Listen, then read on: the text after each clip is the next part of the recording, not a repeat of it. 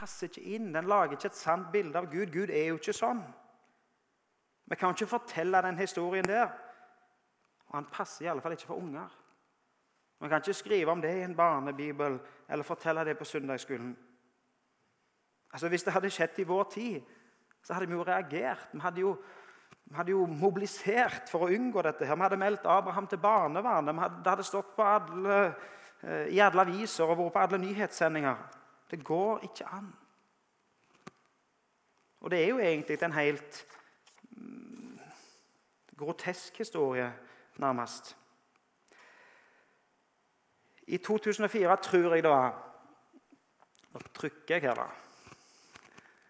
Du kan trykke, du. Så skulle en kunstner i, i, Eller så skulle de lage kunst i ei kirke på Sunnmøre. Spjelkavik. Jeg tror det er på Sunnmøre. Eh, og De skulle lage kunst, og så skulle de lage mange forskjellige sånn glassmalerier. Eh, og Historien var, var, for så vidt mye oppe i media da. Eh, det, og, og, det, og, det, som kanskje var mest oppe i media, var at det var et bilde av disse jeg tror det var 92 bilder, så var det ett bilde som ble nekta plass. Og Det var biskopen og, og bispekontoret på en måte som, som, satte foten ned, og som nekta å sette inn det ene bildet. Og det var dette bildet. Når Abraham løfter kniven og skal eh, ofre Isak. Og en avisartikkel, I en avisartikkel så står det Biskopen mener at bildet er altfor sterkt. Spesielt for alle barna som kommer til kirken. Han får støtte av undervisningsrådgiver ved bispekontoret i Møre og Romsdal, som har vært med på å begrunne avslaget. Hun mener hensyn til barna må, gå foran. Det er mange barn som kommer dit og bærer med seg sin livshistorie, hvor de dessverre også har erfaring med vold. Vi synes det er problematisk at et gudsbilde skal formidles akkurat på den måten når mange barn har det vanskelig. Og Så gikk det et år og to, eh, og så snudde biskopen. Og Så ble vedtaket gjort om, eh, og så fikk bildet eh, komme opp i Spjelkavik kirke. Men biskopen skrev likevel et brev til menighetsrådet, tror jeg, og så skrev han Når Abrahams tru blir tallen fram i teksten som positiv, er det for meg et problem. Fordi det er ei tru som innebærer å ofre andre mennesker, i dette tilfellet Isak. Det lar seg vanskelig samegne med et nytestamentlig trusomgrep. Dette er ikke den eneste teksten i Det gamle testamentet som gir oss problem, sier biskopen. Når du hører historien om Abraham, som blir bedt av Gud om å ofre sønnen sin, som han har venta på så lenge, og som han er så glad i, hvordan reagerer du da?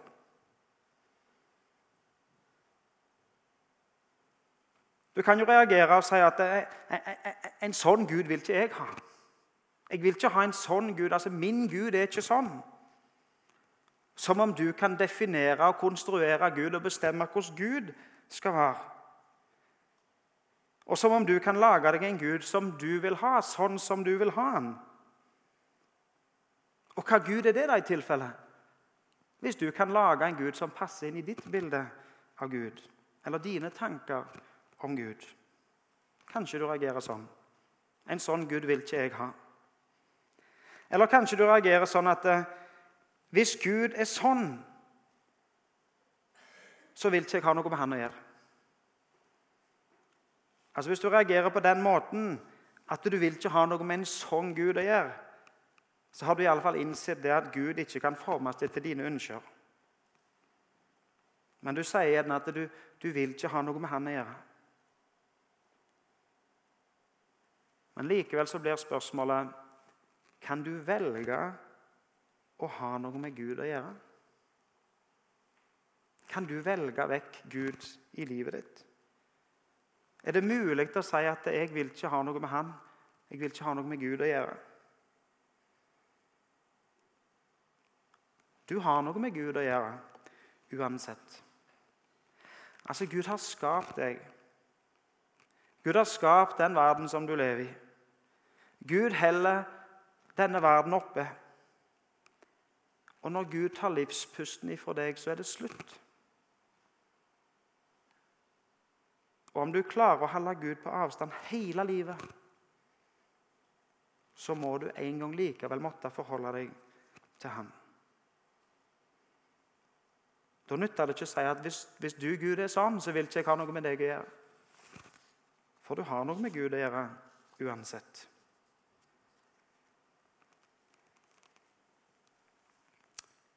Hva som gjorde at Abraham adløy Gud? Hva som gjorde at Abraham eh, gjorde det som Gud ba han om å gjøre? Tittelen på Søren Kirkegårds bok 'Frykt og beven' var det frykt og beven som gjorde at eh, Abraham gjorde som Gud ba ham. Hva følte Abraham på i sitt hjerte når han tok Isak med seg på turen til offerplassen? Kjente han på frykt og beven? Kjente han på frykt for en grusomme Gud? Kjente han på frykt for en Gud som krever menneskeoffer, til og med et barn?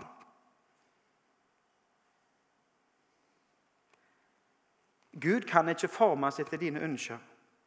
Du kan ikke lage en Gud sånn som du vil ha han. Altså, Gud er fremdeles Gud, selv om du ikke vil ha noe med han å gjøre. Denne teksten som vi har sett på nå, beskriver det Gud. Er det en rett beskrivelse av Gud? Jeg må trykke en gang til.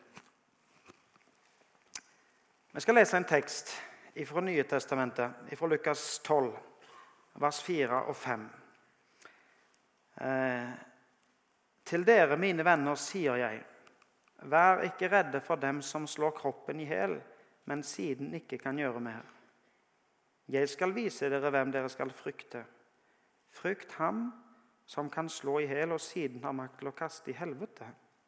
Ja, jeg sier dere, det er ham dere skal frykte.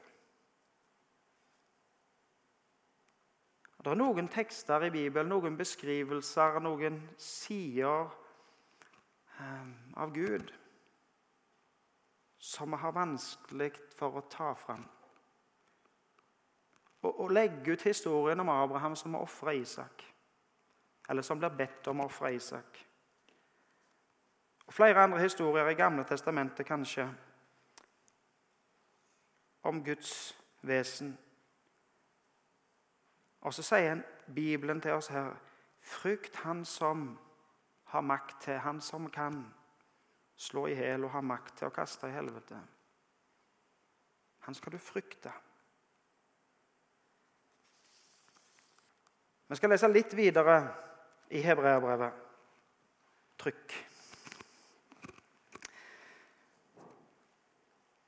I Hebreabrevet så leste vi i tro bar Abraham fram Isak som offer da han ble satt på prøve. Sin eneste sønn var han villig til å ofre enda han hadde fått løftene. Og dette var blitt sagt til ham, gjennom Isak skal du få en ett som skal kalles din. Han regnet med at Gud har makt også til å vekke opp døde. Derfor fikk han sønnen tilbake. I dette ligger et forbilde. Det var ikke det at Abraham ikke elska sin sønn. Abraham elska sin sønn. Elska sin sønn høyt. Det var det kjæreste han eide. Og Abraham elska Gud. Abraham elska Gud. Han hadde levd et langt liv i lag med Gud. Og Gud hadde gitt ham alt han hadde, alt han, alt han var. Altså, Gud hadde gjennom hele Abraham sitt liv holdt sine løfter. Til og med løfter med en sønn hadde Gud holdt. Abraham hadde erfart gjennom et langt liv med Gud at Gud holder det han lover. Gud er med meg uansett. Gud elsker meg. Og Abraham elska Gud. Abraham elska Gud. Og så tok han Isak med seg. Og så gikk han veien til offerstedet for å ofre sønnen sin. Vi må lese teksten sånn som den egentlig står i 1. Mosebok 22, der som teksten er henta fra. Der står det Abraham tok offerveden og la den på Isak, sønnen sin. Selv tok han ilden og kniven i hånden. Og så gikk de sammen, de to. Da sa Isak til sin far Abraham, 'Du far.' Og han svarte, 'Ja, sønnen min.' Han sa, 'Se, her er ilden og veden, men hvor er brennofferlammet?' Abraham svarte, 'Gud vil selv se seg ut et brennofferlam, sønnen min.' Og så gikk de sammen, de to. Far og sønn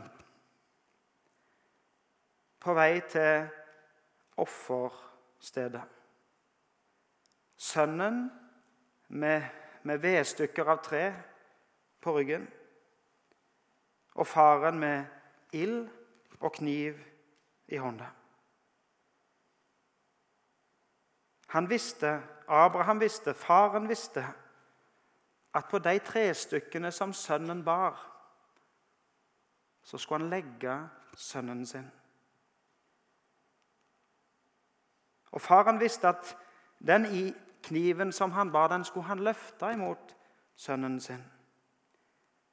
Og han visste at den ilden som han bar med seg opp på fjellet, den var dommen som gjorde det slutt på alt. På sønnen som han elska. Hundrevis av år seinere så var det Gud, Fader, som la et stykke tre på sin eneste sønn. Og så bar Guds sønn treet på ryggen sin opp til Golgata, opp til offerstedet. Og Gud løfta kniven imot sønnen sin den dagen, mot sin eneste sønn. Og dommen, ilden, var dommen over dine synder som den dagen lå på Jesus. Han gav sin sønn.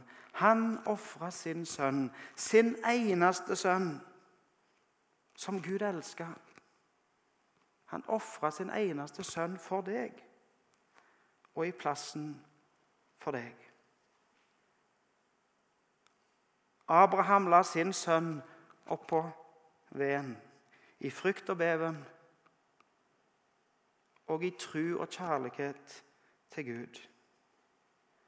Og Når Abraham løfter kniven, så roper Gud 'stopp'. Gud krever ikke menneskeoffer.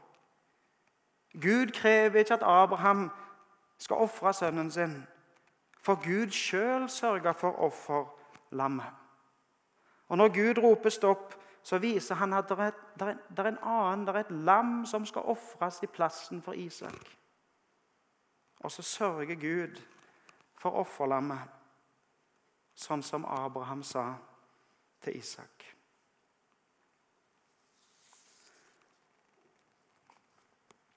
Det er mange kjente kunstnere klikk. Det er mange kjente kunstnere som har lagd malerier om denne hendelsen. Eh, du kan søke på, på, Google, og så finner du masse. Den mest kjente, den som du helt sikkert får mest treff på, eh, er Rembrandt. Men en annen Eh, en som heter Marc Chagall, som har malt dette maleriet. Og Nå er ikke jeg noen kunstekspert, altså det skal jeg, skal jeg, være den første til å innrømme. Men, men altså Marc Chagall har malt et bilde av Abraham som har kniven klar, altså som, som ofrer Isak. Og så ser vi på, på maleriet at Isak ligger på alteret. Abraham løfter kniven. Og så kommer Guds engel ned for å hindre Abraham i å ta livet av sønnen sin. Og så står det et lam eller en vær eh, i, i, i, et kratt borti der som skal gå i plassen for Isak. Men så ser dere oppe i høyre hjørne på bildet at det er en annen som bærer et stykke tre. Jesus bærer korset sitt til Golgata. Og så har kunstneren tegnet inn to hendelser i samme maleriet. At Abraham, eller historien om Abraham og Isak som et forbilde på at Gud ofra sin sønn. Jesus ble ofra på korset for meg og for deg. Abraham må jo ha blitt totalt forandra av denne episoden. Abraham må jo ha hatt en opplevelse eh, med Gud som, som, gjør at han, han kan ikke ha vært en annen etter han kom ned fra det fjellet. Og, og eh, som far så kan jeg jo tenke meg altså Dette må jo ha vært en utrolig sterk opplevelse. Det er ikke en opplevelse som Abraham noen gang glemte. Nå vet jeg ikke om dere har unger, noen av dere, men, men, men tenk hvis du ble bedt om, og hvis dette skjedde med deg, og hvis du hadde skal du si, fått, fått sønnen din tilbake igjen i en sånn opplevelse. Selv om dere gjerne ikke har unger, så kan dere gjerne tenke at eh, ja, dere har jo foreldre. Tenk hvis du hadde vært Isak. Isak må jo ha blitt totalt forandra nå av denne episoden. Det må ha vært skremmende for Isak. Og jeg forstår, og det er ikke, det er ikke vanskelig det hele tatt å forstå at folk sier at ja, men dette er en, en vanskelig historie, dette er en krevende historie, dette er en grotesk historie. For Isak så må det ha vært forferdelig å ligge der på alteret og se far sin eh, lufte kniven. Vanligvis når, når, når, når Bibelen snakker om, om, om, Gud i Gamle testamentet, eller ofte i Gamle testamentet når det snakkes om Gud, så sies det Abraham, Isak og Jakobs Gud. Når Jakob, sønn til Isak Når Jakob på et tidspunkt skal beskrive Gud eller snakke om Gud, eh, så sier han Abrahams Gud og Isaks redsel. Isaks redsel. Tenk at det har gjort med Isak sitt gudsbilde å se og oppleve og være i den hendelsen som skjedde eh, den gangen. Frykta og elske Gud. Nå skal vi lese en tekst, den siste teksten fra Lukas 7, og bare noen få vers. Eh, der står det Nå var det en kvinne der i byen som levde et syndefullt liv. Da hun fikk vite at Jesus lå til bords i fariseerens hus, kom hun dit med en alabastkrukke med fin salve. Hun stilte seg bak Jesus nede ved føttene og gråt. Så begynte hun å fukte føttene hans med tårer og tørket dem med håret sitt. Hun kysset føttene hans og smurte dem med salven. Og Så hopper vi et stykke, så leser vi vers 47. Derfor sier jeg deg Det har vært en lang samtale her, og så, og så konkluderer Jesus. Derfor sier jeg deg hennes mange synder er tilgitt. Derfor har hun vist stor kjærlighet. Men den som får, tilgitt, den som får lite tilgitt, elsker lite.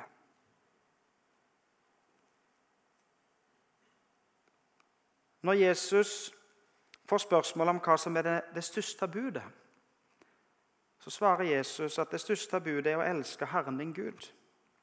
Å elske Herren din Gud. Det er det største budet.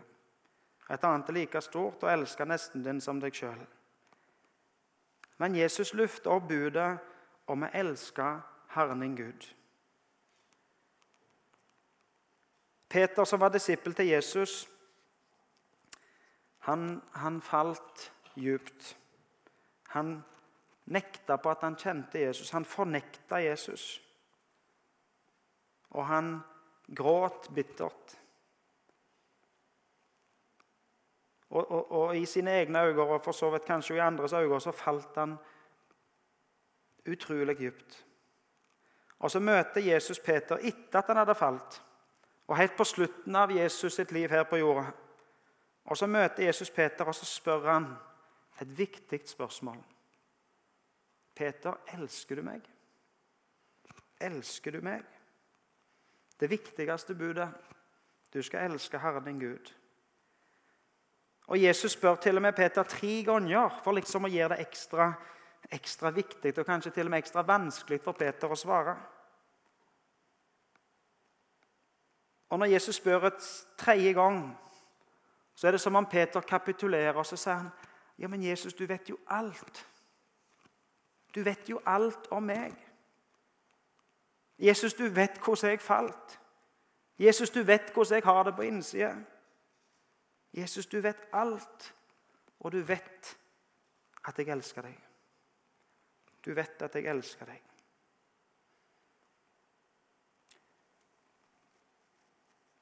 C.S. Lewis har skrevet en bok som heter 'Om kjærlighet'.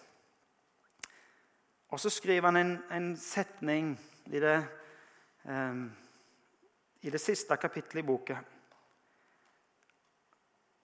Et spørsmål. Og spørsmålet er sånn Er det lett å elske Gud? Er det lett å elske Gud?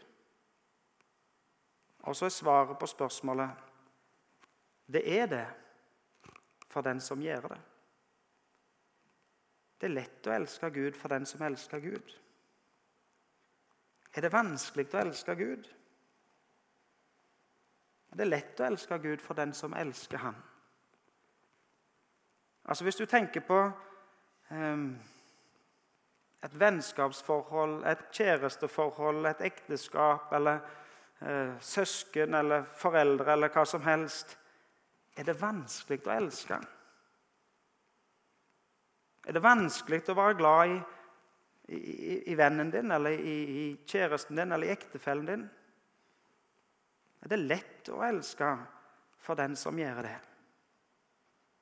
Det er lett å elske for den som elsker. Peter syntes nok det var utrolig vanskelig å få spørsmålet ifra Jesus elsker du meg.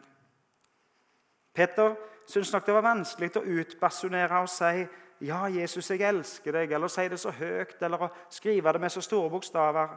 For det var noe inni Peter som han skamma seg over. Han hadde jo svikta.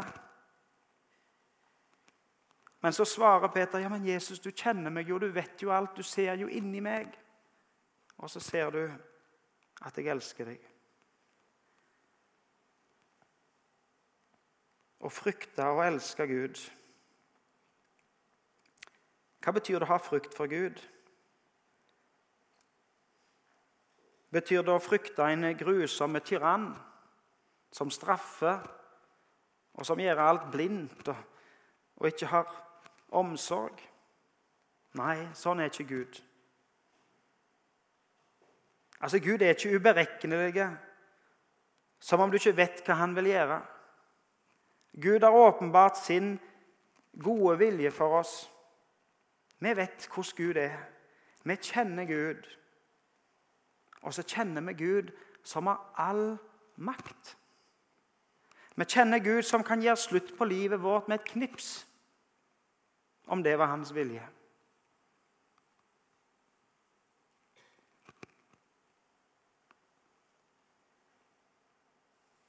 Å frykte Gud er å kjenne Han som har all makt i himmel og på jord. Som har makt over liv og død.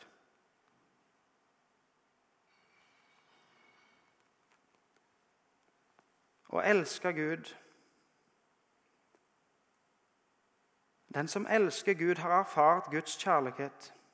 Den som elsker Gud, har levd livet sitt i lag med Gud. Kanskje noen lenger enn andre. Men Abrahams erfaring, Abrahams lange liv med Gud, gjorde at han elska Gud så høyt at han gjorde alt Gud ba han om.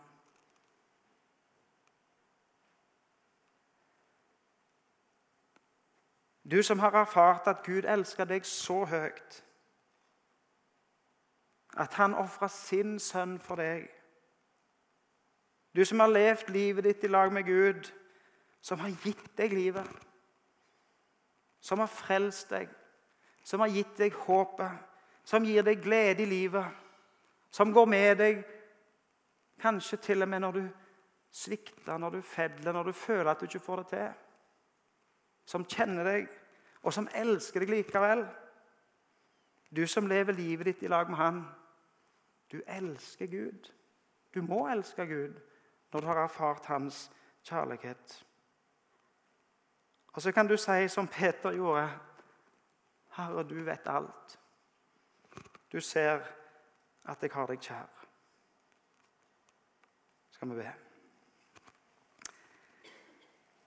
Kjære Jesus, takk for ordet ditt til oss.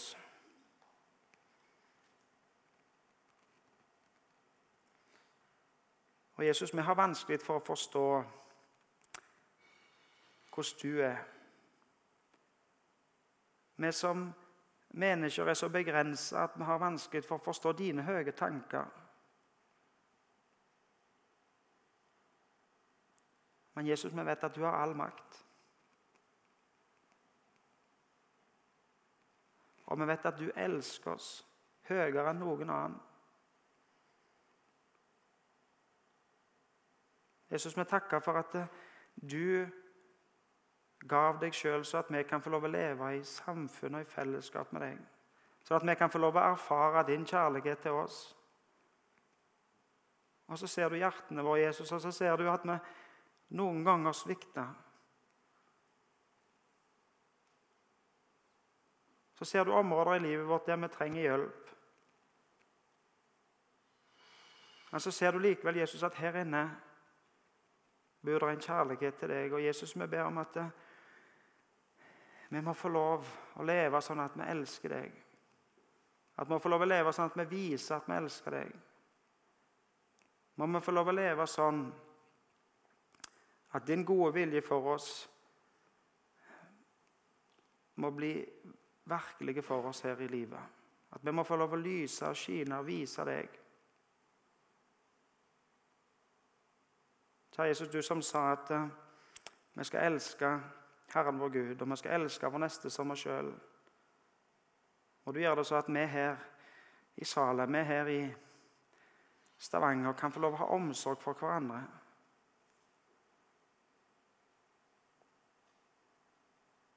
At vi som elsker deg, òg kan få lov å vise deg mot nesten vår. At vi hjelper hverandre, ber for hverandre ønsker hverandre det beste, og at vi vil leve livene våre sammen med deg. Jesus, vi ber for resten av denne kvelden, og vi ber for helga og uka, alt som ligger føre. Og så ber jeg Jesus at uh,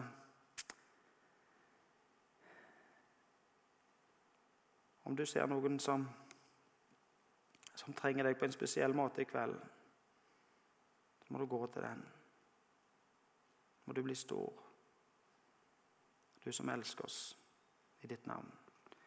Amen.